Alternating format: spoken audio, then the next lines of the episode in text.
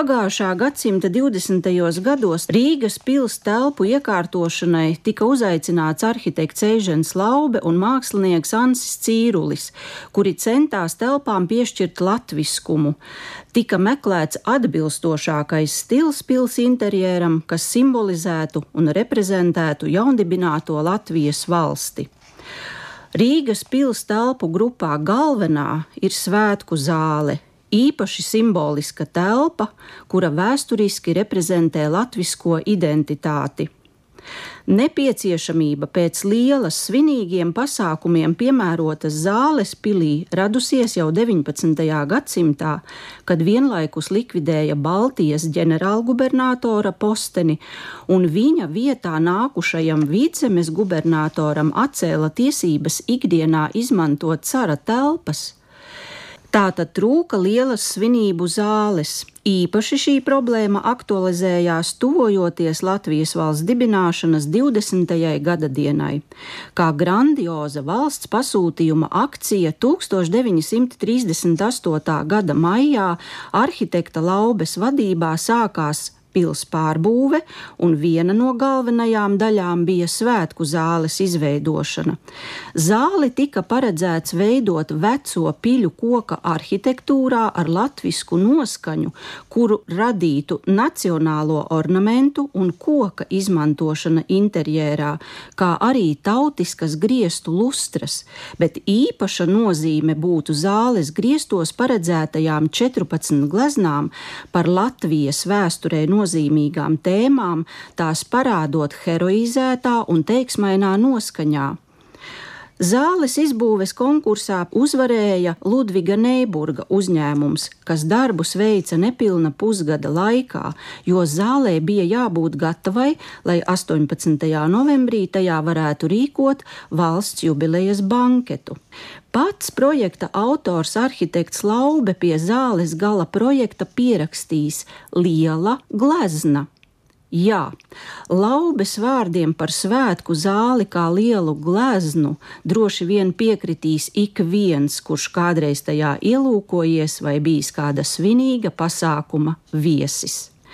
Zāles būvdarbus izdevās pabeigt un notika arī lielais 18. novembra svētku bankets 1938 viesiem.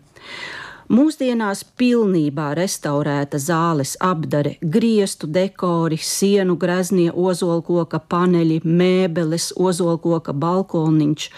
Zāli izgaismo septiņas unikālas pēc laubes projekta darinātas un mūsdienās restaurētas milzīgas bronzas lējuma lustras, kurās laistās 4300 kristāla piekariņu.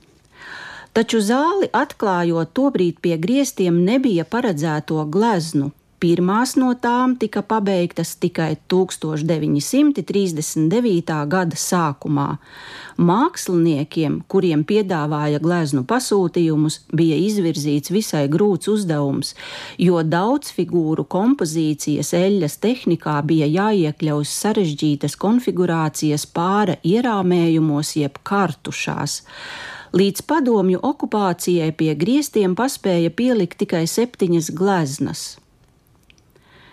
Pēc padomju okupācijas Rīgas pils priekšpils daļu ar tajā esošo svētku zāli nodeva padomju pionieru organizācijas vajadzībām un turpmāk sāka saukt par sarkano zāli, un tās dienvidu galā tika ierīkota skatuve.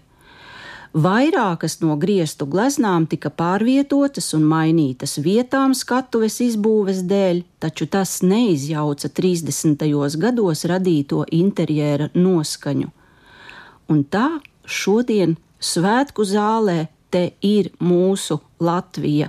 Te kurzemnieki, jūrā braucēji, Ludolfa Liberta gleznā kurzemes hercogs Jēkabs, te senie un drosmīgie zemgaļi cīņā pret svešu zemju iebrucējiem, Voldemāra Vimbas gleznā viestura cīņa pie misas, te vidzemnieki, jaunatvieši pirmās atmodas laika latviešu nacionālās kultūras un sabiedrības veidotāji Jāņa Roberta Tilberga gleznā atmodas darbinieki, Krišjānis Barons, Valdemārs, brāļi Kaudzītes, Auseklis, Alunāns, Pumpurs un Kronvaldu Atis, un, protams, latviešu karavīri cīņā par Latgales atbrīvošanu. Arvīda Egles gleznotajā karadarbība Latgalē 1919. gadā, un vēl Teņa Graša dziesmu svētki, Pētera Ozoliņa līgo svētki – Par gleznām stāstot, vērts pieminēt, ka postošajā Rīgas pils ugunsgrēkā 2013. gadā neviena no zālē esošajām gleznām neaizgāja bojā, bet izmirka un nokvēpa.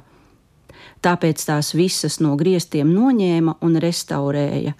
Restaurēja arī gleznu rāmjus, kuriem atjaunoja oriģinālo apdari, zelta imitācijas lapiņu klājumu.